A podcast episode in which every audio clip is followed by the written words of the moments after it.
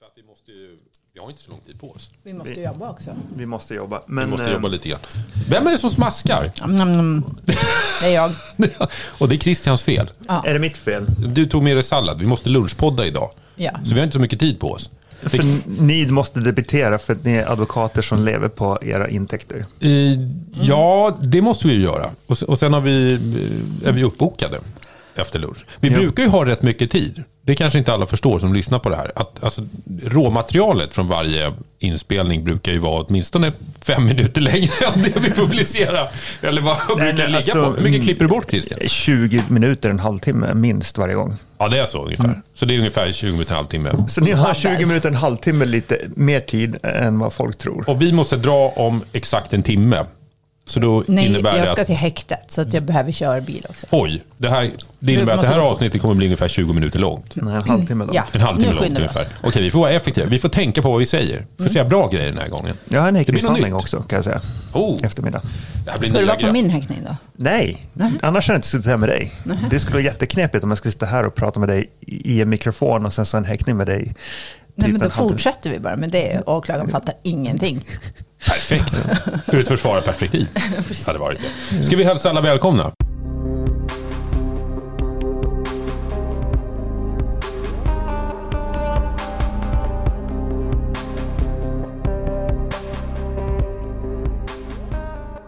Välkomna. Varsågod Anna, vilka är vi? Tack så mycket. Eh, Ja, vi är podden Rättssalen. Podden där alla möts. Eh, Och idag har vi ingen åklagare med oss. Eh, Han är uppbokad på annat. Utan idag är det bara jag som är Anna Melander, advokat i Luleå. Vill du vara åklagare idag? Ja, det kan vara. Mm, kan inte du vara målsägande perspektivet? Det är typ samma sak. Okej, Då, då slipper ja. Mm. du kliva ut ur din yrkesroll för mycket. Smart. Och smutsa ner dig med någonting som du uppfattar själv som smutsigt. Nu kan jag säga, jag, jag, det här, nu, nu var jag djävulens advokat. Jag tycker själv att åklagare inte är smutsiga, men jag förutsätter att ni tycker det. Nej, jag Oftast tycker de inte. verkar... Nej, alltså jag, De verkar vältvättade. de verkar rätt vältvättade. Och sådär. Vi- Vi är nästan lite puritanska. Sådär. Vi har skrubbat oss rena från synd innan vi kliver in i salen. Till skillnad från vissa andra. Nej, Advokater. skämtas- som- Domare. Inget nämnt. Skrubbar vi inte oss från synd eller då? Nej. Nej, det tror jag inte. Nej, det gör jag faktiskt inte. Domare är mer sådär, vi, vi tar rejäla julbad och påskbad. Och, och däremellan så vet jag inte vad ni Och gör. därmed är det påska. Oj, det här skulle jag inte ha sagt. Det här får du klippa bort sen Nej, jag Christian. kli- klipper inte bort det Jag där. kommer- Det där kommer vara kvar. Alla åtal kommer bifallas sen efter. Nåväl, eh, för att då skynda på det här lite grann. Vad ska vi prata om idag Christian?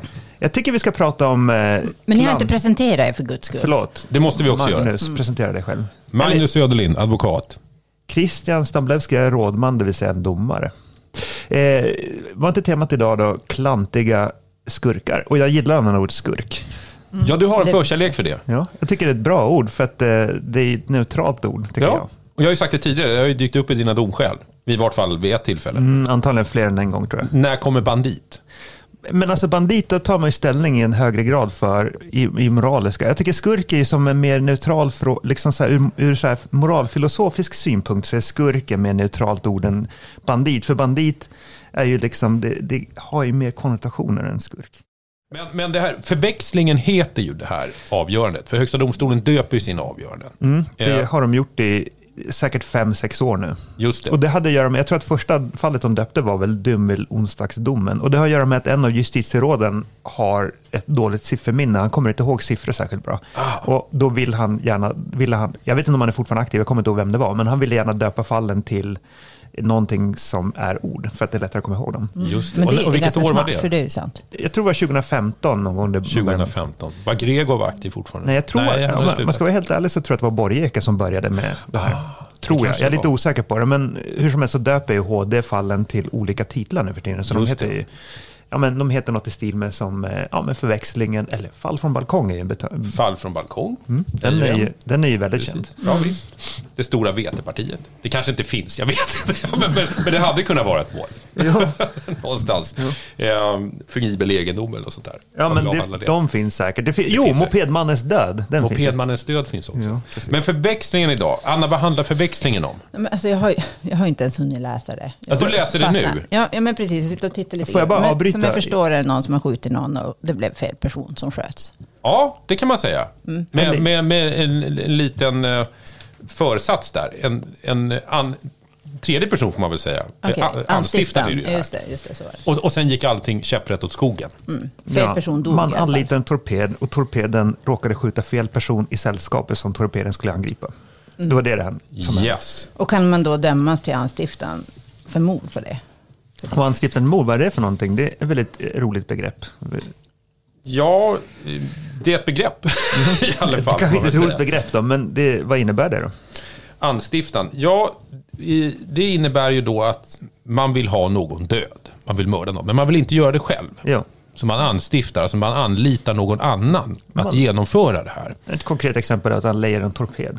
Man lejer en torped. Och straffskalan för, för att ha anstiftat någon och begå ett mord är ju densamma som om man själv hade gjort det. På ett- Nästan värre oftast. Ja, och precis. Och, och, vilket jag tycker är helt korrekt. Eh, den här personen då, SS, som han kallas i domen. Kan vi kalla det för något annat? För SS har så konstiga Ja, konnotationer. det, det har det faktiskt, håller vi, med. vi, Så kallar honom för, S- Sune. Sun. Fast det blir ju, ja, vi, vi, vi kallar honom, eh, Är du säker på att det är en han? ja, det är jag faktiskt inte säker på. Men, Men, men, det måste vara en han, det är ju sällan. vi kallar honom MM. MM, okej. Eller blir det för svårt? Nej, det blir inte svårt. RR. RR. RR. RR. Vem är. MMRR? Ja, ja, Vem vi, av vi dem kommer, är? vi kommer ju blanda ihop de här hur som Vi helst. kallar tor- torpeden, torpeden och anstiftararen. Kan vi säga Ja. Mm. ja, men det som hände då var att RR, han anlitade en person för att skjuta en tredje person. Han ville ha en, den här tredje personen död. Eh, och den här torpeden han då anlitade eh, sköt mm, eh, fel person, helt enkelt. Jag har förstått det som att den här om man får kalla det rätt person blir väl fel, men den personen man hade för avsikt att döda befann sig i sällskap med Jo. den som sedermera blev offret. Precis, alltså torpeden kom, kom mot det här sällskapet och det var tre personer i sällskapet. Ja. Eh, och torpeden siktade med sin pistol mot en person och sköt den personen. Just det. Och det visade sig vara fel person han sköt ner. Och Ja. sen så när han hade skjutit den personen så insåg torpeden att det var fel person. Mm. Och stack från platsen. Ja, det framgick av utredningen, förstod att Ja. man, man beskriver som att väldigt snabbt insåg man att aj, det här var ju fel. Ja. Eh, och man gjorde egentligen... Dålig dag på jobbet. Ja, stort misstag. Eh, och man gjorde väl egentligen inga försök, eller det är väl klarlagt att det gjordes inga ytterligare försök att mörda, fick konstigt uttryck, rätt person. Igen. Mm, nej, man, man riktade nej. bara pickan mot den som sedermera dog för därav Ja. som hade skott. Alltså en, del, en viktig del av det avgörandet är ju att eh, det konstaterades att eh, man försökte inte eh, mörda den som då vi kan kalla för rätt person. Just det, precis. Men Ska vi vara överens om det? Vi kallar det rätt person. Hur konstigt den låter, så vi, så vi Dömdes vilka vi mördaren för mordet på fel person? Ja, Han är dömd. han är dömd. Eh, och det som Högsta domstolen har prövat då, det är ju ansvaret för själva anstiftan, den som låg bakom till att det här överhuvudtaget hände. Eh, och det, det är ju ett antal intressanta frågor man får pröva där, därför att eh, om jag har förstått det här rätt nu, så i hovrätten blev ju då RR, kom vi överens om va? Att vi kallar honom, vi- anstiftaren. Anstiftaren, precis. Vi kan väl Eller anstiftaren kan vi kalla honom. Anstiftan blev ju dömd dels då eh, till anstiftan, för anstiftan till mord på personen som faktiskt dog. Men även anstiftan till försök till mord på den som man hade för avsikt då. Ja, precis. Han mörda. skulle, han skulle i princip dömas för att ha försökt mör, eller mördat, deltagit i mordet på en person och försökt Ja. på mordet på den andra personen. Och det här överklagar han och Högsta domstolen meddelar prövningstillstånd. Eh, och eh, frågorna i målet då som HD prövar, det börjar med punkt 1. Eh, och, och de är ju väldigt pedagogiska egentligen. Man kan ju läsa upp, Anna, om du läser punkten 1. Nej. Nej, Det är så jobbig juridik. Okej, det, det, ja, är ja, så blir mycket, jobbig det är så mycket jobbiga ord. det precis. blir ingen bra radio på det. Det blir... då, då, då struntar vi i det. Ja, men det. Lite förenklat då vad man ska pröva. Det, det är ju om eh, eh, den här om anstiftan då kan ådömas till ansvar för anstiftan till mord på en person som man inte hade för avsikt skulle dö. Och sen prövar de ju även givetvis också om man då kan dömas till ansvar för anstiftan till försök till mord på den personen som man ville skulle dö. Precis.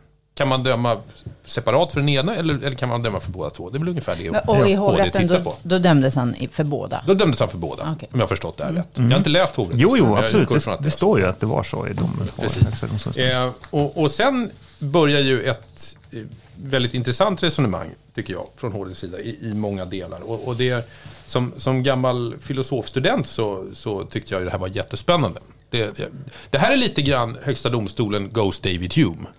tycker jag. Okej, men nu tappar du mig för att jag hade läst David Hume. Men du, heller. Okej. Eh, nej, men det, eh, vi, vi kommer till det lite grann, för eh, Högsta domstolen resonerar ju väldigt mycket kring vad kan anstiftan, vad kan vi förvänta oss att han borde ha förutsett?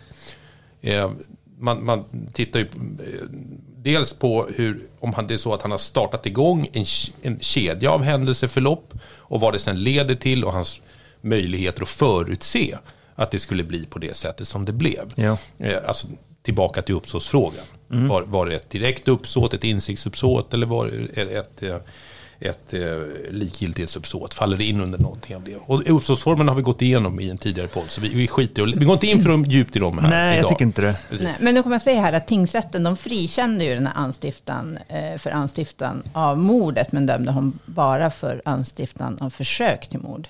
Okej. Eh, och hovrätten dömde ju för båda brotten. De dömde för båda brott, ja. Bra, då, då har vi klarlagt det där. Eh, nej, men så det, det är ju den ena sidan, och, och det är där det blir lite David Hume intressant. Vad, vad Hume egentligen, vad han är känd för, eh, är ju eh, kritik av logiken, kan man kalla det för. Eh, han har en teori om kausalsamband. Och, och det kommer man ju in på och resonera kring i hovrättens dom.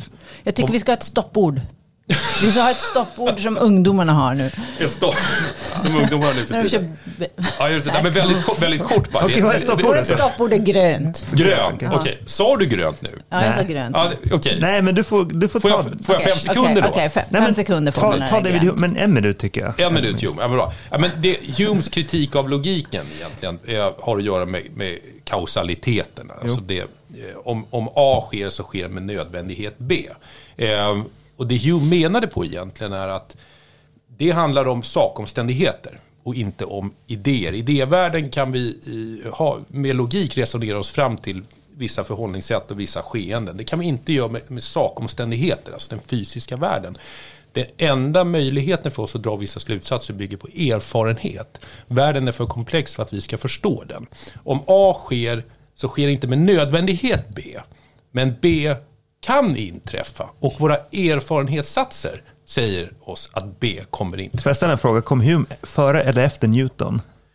De var samtida. De var det. Men de Ja. läs, antagligen så läste inte Hume Newtons verk. Eller när levde Newton? Hume, Hume var ju... 1600-talet. Ja, men då är Newton innan ja. Ja, men, Hume är ju 1700-talet. Så Hume typ bara free- freebasade utan att ha läst någon grundläggande tidigare. Han freebasade, men, men han gav ju upphov, kan man säga, lite grann till, till John Locke sen och hans teorier. Så att han har ju varit väldigt För jag betydelsefull. tänker som att eh, Newton, han tycker däremot att det går att räkna ut en orsak och en följd. Och att, Ja, och, och det säger inte Hume emot. Okej. Men han säger att det Newton faktiskt beskriver, det är ju en matematisk idévärld. Grönt. Det har ingenting med de...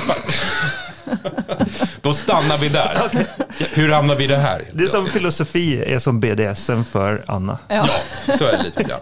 Men, men det här landar ju någonstans i att hovre, eller Högsta domstolen för ju ett resonemang kring det som hände och anstiftarens möjlighet eller förutsättningar att förutse det här. För det blir ju relevant givetvis i, i uppsåtsfrågan. Ehm, att det skulle gå på det här sättet som det gjorde, vilket var fel. Ehm, och vad säger man där?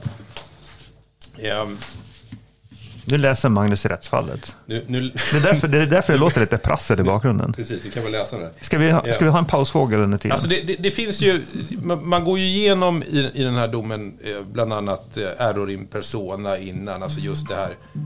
Är en persona är det när man eh, råkar av misstag döda en, alltså när man som gärningsperson råkar dö- döda en person av misstag. Ja. Det är en persona. Det- och då är det precis. så här att det, då säger ju då den praxis vi har nu att det ska inte räknas till godo. Så att om jag tänker mörda Magnus men jag råkar mörda Anna genom att jag typ siktar, jag siktar på Anna och tror att Anna är Magnus, fast, Mm. fast jag liksom är fullt medveten att jag dödar en person, då ska jag bli dömd för mord. Just för, det. att, för att det spelar ingen roll om jag misstar mig på personens identitet. Det som spelar roll är att jag förstår att jag dödar en människa. Exakt. så Men att sen, error in persona är ju ingenting som man... Men det blir en annan situation när jag anlitar någon Ja, för att döda Magnus precis. specifikt och den personen råkar döda man- Anna. vi ska, precis, vi ska också flika in det att de går ju igenom situationen som man kallar då så fint på, på latin. Eh, aberiato ictus, det vill säga felhugg. Alltså situationen då med att du, du, om jag till exempel ska knivhugga dig Anna, men jag är så förbaskat dålig på att hugga med kniv så jag missar. Och så hugger jag Christian istället. Ja. Eh, rakt i axeln. Eh, vad ska jag dömas för då? Ja, jag tycker Eh, du ska frikänna. Ja, men då, då hänvisar man till, till litteraturen egentligen och, och några RH-avgöranden faktiskt tar man upp här också. Och säger att det, det ska bli dömd för eh, om, om eh, Abereato Ictus är för handen, ja det är ju ett försöksbrott mot Anna och ett oaktsamhetsbrott mot Christian. Om du säger till Ictus för länge så kommer du frammana en demon tror jag. Det känns som någonting ur Necronomicon. Precis. Lovecraft hade varit överlycklig. Jag tänkte snarare Evil Dead 3. tänkte jag. Evil Dead, ja men det, har Men ju, jag det är- hänger ju samman lite. Jag är lite mindre högkulturell än vad du är. Ja. Kanske får säga nästan upp i vuxen ålder så, så hade jag någon föreställning om att Necronomicon fanns. Jag var in på British Museum och frågade om de kunde plocka fram den. Jag var inte den första som hade frågat. Okej. den fanns inte kan jag säga. Den fanns inte. Nej. okej. Eh, men- den finns men- antagligen, men de vill inte berätta det för dig. Skriven av en galen munk i blod på Precis. 1300-talet. Ja, vi lämnar den boken där och går tillbaka. Mycket avstickningar det blir. Jag vet, det vi är lite spåniga. är men lite spåniga, men- Men alltså bedömningen i det här fallet då? I HD, vad gjorde de där? Ja, och det är det som nu, punkten där jag menar på att man faller tillbaka lite grann till ett humianskt resonemang. Och det är punkten 26. Eh, och, och Christian, du, du kan ju faktiskt tyska. Mm, kan, inte du, kan inte du läsa punkten 26? Jag vill höra ditt uttal. Nej, men alltså, jag kan inte tyska, det är det som är grejen. Jag tror att jag kan tyska bara för att min brorsa bor i Tyskland och jag beställer öl på tyska, men jag, tror att vet du, jag hittar bara på när jag gör det. Ah, men, men du får pappren här. Om du läser punkt 26. Det står så här, det förefaller som att uppfattningen i den rättsvetenskapliga litteraturen har ta- tagit intryck av tysk rättspraxis, däribland ett avgörande som den tyska Bundesgerichtshof meddelade år 1999. Och sen här Säg det där igen. Bundesgerichtshof. Snyggt. Det var väldigt vackert. jag, kan, jag kan ta över där. Okej. Eh, för, för efter, och jag tänker inte försöka uttala det här som kommer då. I målet var det fråga om huruvida den som hade uppdragit åt annan att begå ett mord kunde dömas för anstiftan av mord när gärningsmannen till följd av förväxling hade kommit att döda fel person. Det här är alltså ett avgörande från Tyskland. Men får jag också bara Mm. inflika ytterligare en konstig inflikning. Nu- är det ingen som längre hänger, vad vi pra- hänger med vad vi pratar om. Mm. Men alltså, är inte det lite, lite spektakulärt att HD tar eh, intryck av utländsk praxis? Det är sällan de gör det. det. Det är typ andra eller tredje gången jag ser HD göra någon sån här grej. Ja, eh, och när de gör det så är det väl nästan alltid uteslutande tysk rätt, va? Mm, finskt också har de gjort vid något tillfälle, vet jag. Kan det vara. Ja. Men, men jag brukar oftast vara tysk rätt, Jo. har jag för mig. Jo, men det är för Eh, att och I sen- doktrin gillar man väldigt mycket tysk Men det är också för att vårt rättssystem är till stor del uppbyggt på tysk rätts, det tyska, den tyska rätten egentligen. Alltså, Ja. Vi hämtade mycket inspiration från Tyskland eh, egentligen fram till 1945. Av någon konstig anledning så slutade vi efter det, jag vet inte Ja, varför. det, det var nog tur det. Nej, men det man säger här, det är sista meningen som faller tillbaka på, på, på David Hume här, som jag hänvisade till tidigare. Den tyska domstolen ansåg att gärningsmannen, gärningsmannens misstag inte påverkade anstiftarens ansvar så länge misstaget inte låg utanför vad som var förutsebart enligt, nu kommer det, allmän livserfarenhet. Jo. Här hade David Hume jublat. Hade han det? Ja, Förklara. det är förhållanden i sak. Okej. Just att det bygger på allmän livserfarenhet. Inte på logik och inga logiska resonemang kan vi inte förutse kausaliteten i händelserna i objekten. Som A sker så sker nödvändigtvis B. Vill säga, vi skjuter med en biljardboll. Jaha. Mm. På den biljardbollen så kommer den flytta sig dit. Okej. Det är inte logiskt resonemang som ger oss den säkerheten. Den är inte absolut, men vår erfarenhet säger det. Eh, Fa- Fast, fast eh, Newton kan ju räkna på det utan att han har en livserfarenhet. Jag förstår Ja, fast, inte. jo, för, men han, räknar ju på det i en matematisk idévärld. Där kan du härleda saker Jaha, logiskt. okej. Men det, Så det är du inte menar- direkt applicerbart på tingen i Nej, sig. men det där är bara nonsens, på det, riktigt. det är metafysik. Ja, men okej, för att... så det- Grön. det- Får får jag bara fråga, alltså, så det innebär då, då att eh, matematiskt kan du räkna ut vilken riktning biljardbollen kommer alltid... Ja, kan du göra. Så, men, men det kan du typ aldrig i verkligheten. bara Nej. Att, nej, okej. Men din erfarenhetssats säger att den kommer flytta sig på ett visst sätt. Nu sträckte de efter snusen. Bara för att jag vet om att matematiken och min erfarenhet sammanfaller. De brukar ofta göra det. Nej, men det där är bara Men det är nonsens. inte absolut. Nej, det där köper Alltså det där, nu, nu tycker jag... Nu tycker jag ni får skärpa Men så här då, Just nu önskar jag att jag hade en svart bedömning polotröja och i det fick här lösa cigg. fallet. Grönt, grönt, grönt, grönt, grönt. Okej, det är grönt. Bedömningen i det här fallet. HD, de dömde alltså SS, anstiftaren då, för anstiftan av mordet på AA. Eh, De menar då att... i och För med att han det var förutsägbart enligt allmän livserfarenhet att det kunde gå på det här sättet. Nej, men det var en tänkbar följd av det händelseförlopp som SS, anstiftaren, hade satt i rörelse. Exakt. Eh, och därmed har det varit täckt av hans uppsåt. Eh, Mm. Och även då att det involverades flera personer. Eh, Ja, det är därför det täcks av hans uppsåt, för det var flera involverade. Då borde han kunna räkna med det här. det här kunde, han skulle räkna med att det här kunde drabba andra än den, Den allmänna livserfarenheten sa honom att det kunde drabba andra. Men det beror på hur klumpig torped man har lejt. Jag tycker det här är intressant. Eh, Men sen, eh, då, då dömer de det för det. Det här försöket anstiftan för försök, där ogillas det. Eh, och där är väl då att eh, det inte finns utredning som, eh, Nej, man- som man- är stöd för att försökspunkten har passerats Precis. när det gäller försök till mord. Det stämmer. Eh, så där är det egentligen brist i åklagarens utredning då som gör att han frikänns. Ja, e- eller att det bara helt enkelt var så att alla parter är överens om att någon försökspunkt... Nej, det kan de inte ha varit eftersom de var åtalade för försök. Eh, åklagaren måste Jag vet inte om de var överens om omständigheterna i sak, men, men tolkar det rättsligt olika från åklagarsidan. Och, Och utredningen är inte heller stöd för att anstiften hade uppsåt till mer än en persons död. Precis. Så, så att anstiftaren kan egentligen inte dömas för Flera brott. För flera, alltså egentligen, anstiftaren kan inte dömas för, för försök till mord mot en person och mord mot en annan person. För att anstiftaren vill ju inte att fler än en person skulle dödas. Det vill jag inte en del landa på. Men då tänker jag så här då, om man, om man ändå får räkna med det här att andra människor, som deras argumentation ovanför, att man ska räkna med att det här kan inträffa. Eh, fler personer är inblandade, fler kan komma till skada. Om man ska räkna med det, eh, så kan man väl också utifrån det råka döda fler personer. ja, precis. Jag, jag håller med dig. Och, och det här tycker jag blir en liten motsägelse Ja, det jag också. full, ska man, eller delvis motsägelsefulla domskäl.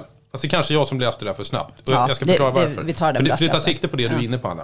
För i punkten 40 säger man från HDs sida att gärningsmännens handlande var alltså en följd av att SS då anstiftaren uppsåtligen hade gett dem i uppdrag att begå ett mord. Dödandet av AA var straffrättsligt likvärdigt med det tilltänkta dödandet av SV. Det var han som avled då. Det för, här kommer det. Det förhållandet att flera personer involverades gavs tillsammans med övriga omständigheter anledning att räkna med att en skjutning av det slag som SS anstiftare skulle komma att drabba andra också än SV. Alltså drabba både honom och andra. Det hade han att räkna med. Utfallet var alltså en tänkbar följd av det händelseförlopp som anstiftaren satt i rörelse. AAs död har därmed varit täckt av SS uppsåt. Eh, när man uttrycker sig på det här sättet, då tycker jag att man uttrycker sig på ett sätt som ger stöd för att man skulle faktiskt eh, också kunna, kunna döma honom i vart fall för Försök.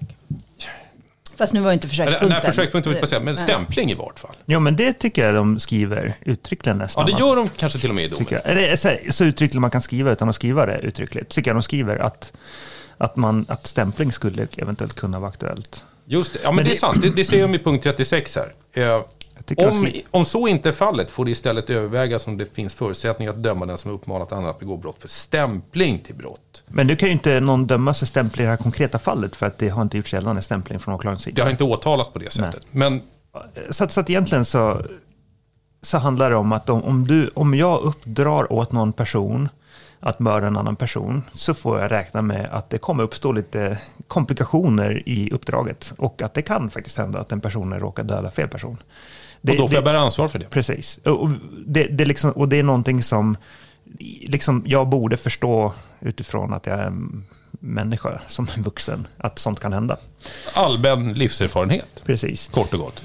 Men jag tycker det som är Köper du det? Men om man hade, om Ja, man hade men det har inget med anlitat, humor att göra. om man hade anlitat typ en så här riktigt bra prickskytt då? Ja, Där man liksom, här finns det, han missar aldrig. Det har aldrig hänt att den här uh, Top Gun-killen missar. och jag... Eller, Ni vet han som är i den här filmen? Vilken som är? skjuter på så Men svinlångt. Top Gun, då flyger Nej, men de med inte- flygplan. Jag blandar ihop, jag är så dålig på filmer. Men du vet den här, vad heter den? American Sniper. Ja, American Sniper, ja just den det. ja. Om man anlitar han. Anlitar han, och sen så ger man ett foto till honom. Ja. Och så säger man till honom så här att var 100% säker på att du skjuter rätt person och ingen annan person. Och, och avlossa inte skottet om du inte kan verkligen vara säker. Var Ger han ett avtal och skriver under på alla de här grejerna. Det, då, alltså, då, då kanske det skulle vara en annan bedömning faktiskt. Inte omöjligt. Eh, På riktigt. Åtminstone det fanns direktiv att gör det här när offret är ensam. Ja, precis. Precis. Så att Och- du är säker på Och så att du... skickar man med en kopia av den här domen också. Så han vi skruvar till det ännu mer. Kulan dödar det tilltänkta offret, rikoschettar därifrån och dödar ytterligare en person. Ja, men det kanske man måste räkna med dock. Ja, Ja, det tror jag. intressant. Jag vet inte, men det som jag tyckte var intressant i det här rättsfallet var ju att eh, man på något sätt eh, skiljer... Alltså det känns som att det finns två stycken vägar som man kan gå om man väljer den ena men inte den andra. Eh, för att jag tycker som att man först resonerar ganska mycket om att man använder eh, torpeder som ett verktyg eh, i min plan. Eh, Ja, just det. och sen så börjar man resonera i termer av att man är en igångsättare av en process. Ja, man skiljer ju på de två. Precis. Det, det är ju, får jag säga det igen, Aberiato ictus Jo. kontra error in persona. Men, men jag tänkte så att det, det, liksom, det känns som att man väljer ett sätt att sy, se på, på anstiftarrollen på något sätt eh, i det här rättsfallet. För, för att om man ser eh, torpeden som ett verktyg som ska följa mina instruktioner och liksom utföra mitt mord eh, och på mina vägnar, eh, så blir det ju så att, eh, då blir det så att instruktionerna eh, som jag ger till torpeden får en större betydelse. Eh, om jag liksom ger förhållningsorder och jag ger liksom väldigt noggranna instruktioner så får de en större betydelse än om jag anses som en igångsättare av en process. Att det liksom, Ja. när, jag, när jag ger det uppdraget till torpeden, då har jag satt igång en process och sen så liksom Kan jag inte styra riktigt allt som inte, händer? riktigt- precis, och då väljer man det sistnämnda riktningen, alltså det sistnämnda alternativet. För att, för att om man skulle välja liksom synsättet att torpederna är mitt brottsverktyg, eh, då, då är det ju så att eh, då, då, då ansvarar jag ju inte för misstag som görs inom uppdraget utanför mina uppdragsinstruktioner. Nej, då, blir- då blir det Aberiato ictus, felhugget. Jo. Då blir du vållande, vållande dömd för den som Precis. faktiskt dör. Och, Ehm, och jag tycker som att det är det som är lite intressant i det här rättsfallet, att man, att man liksom på något sätt väljer den här vägen att eh, jag är en igångsättare. Alltså brott, eh, torpeden är inte mitt brottsverktyg, utan jag är en igångsättare av en process. För jag tänkte, det här tänkte jag att du skulle reagera starkt på. Jag hade misstänkt att det här skulle vara din stora käpphäst som du skulle rida mycket på idag. Att det här innebär eh, lite grann att man får ett eh, oaktsamhetsansvar som uppdragsgivare, eh, ett principalansvar. Att eh, vad som helst som händer inom ramen för uppdraget som skulle kunna hända och som är förutsägbart, det får jag ansvara för.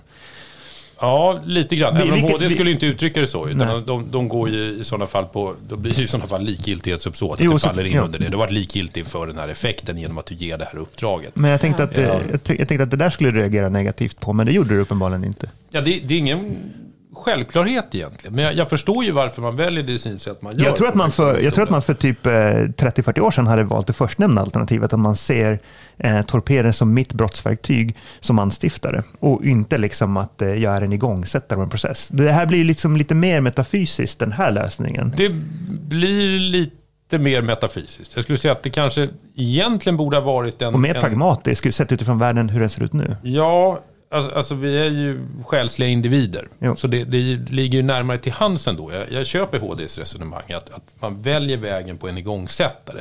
Du kan inte givetvis kontrollera allt som sker där, därefter. Ehm, utan jag tror snarare att det, det här är ju att, att välja verktygssynen. Ja, det hade väl kanske funkat på 1700-talet under naturalismen. Jag tror att det hade funkat jättebra under 50-talet också. Du tror det? Jag tror att man hade valt den linjen på 50-talet tror jag. Ja, kanske. För att man hade lite mer, ut, ursäkta uttrycket, autistisk syn på rättsskipning förr i tiden än nu. Ja. Lättare att förutse också. Precis, och världen var ju kanske mindre komplex än vad den är Det, nu. det var mindre komplext. Men, men vad säger vi då? Jag tyckte det kändes ganska väntat. Var det här, var det här en rörig redogörelse från vår sida? Jag tycker som att, blev- jag tycker som Jag att tror att det var en väldigt rörig redogörelse. Eh, som spretar lite grann åt alla håll. Men det är ju också en lunchpodd. Får jag vet du, berätta min favorithistoria från verkligheten om en klantig skurk? Ja, Det- Ja, det kan hända att ni har hört den här förut, men det, inte lyssnarna i alla fall. Eh, det, här hände, det här är från riktiga livet. Den råkade jag ut för när jag var på hovrätten för typ 15 år sedan ungefär. Jag tänker inte nämna några namn här, men det är i alla fall en... Och jag tänker inte nämna exakta platser bara för att eh, inte identifiera personen. Personen i fråga lever i inte längre, men han kanske har liksom släktingar eller någonting sånt. Det var en person som skulle eh, transportera narkotika från kustlandet i Norrbotten till Gällivare. Eh, och det var en person som hade en sån här kurirrutt, eh, regelbunden kurirrutt. Eh, och eh, för att undvika att åka fast så kör den här personen småvägar, In, inte liksom 97an, utan massa småvägar upp till, alltså genom typ Gunnarsbyn och ja, och typ Vollerim och sånt för att och Nattavaara för att komma till eh, Gällivare.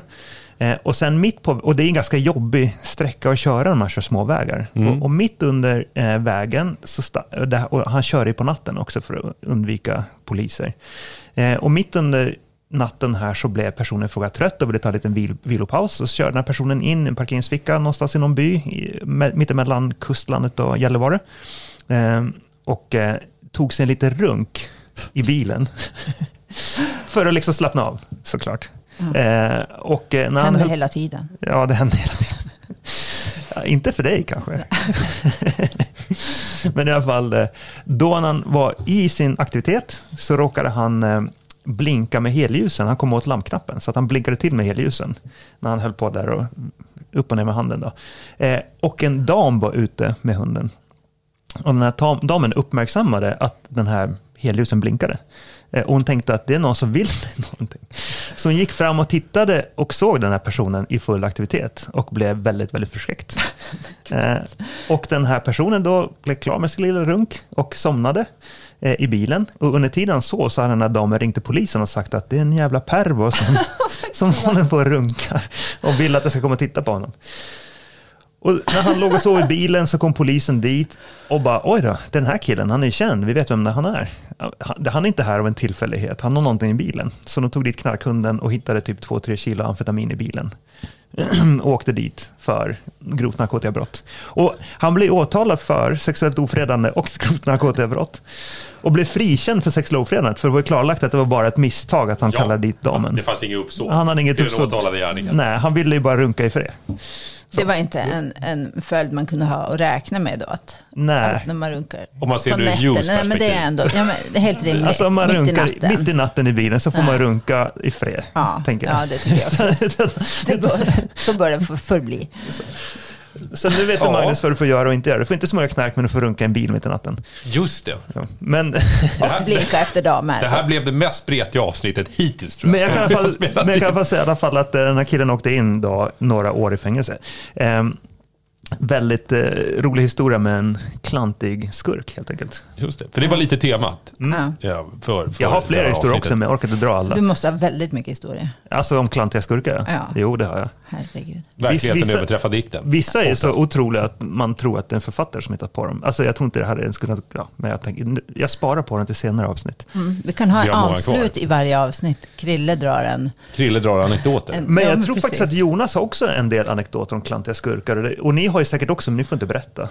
Jag har aldrig stött på en klantig Nej, skurk. har- och jag har aldrig ens Du har företrätt en proffs. skurk. Var bara, eh, Anna har företrätt oskyldiga personer endast. Och Magnus har företrätt bara proffs. Ja. Oskyldiga. Osky, oskyldiga proffs. Viktigt.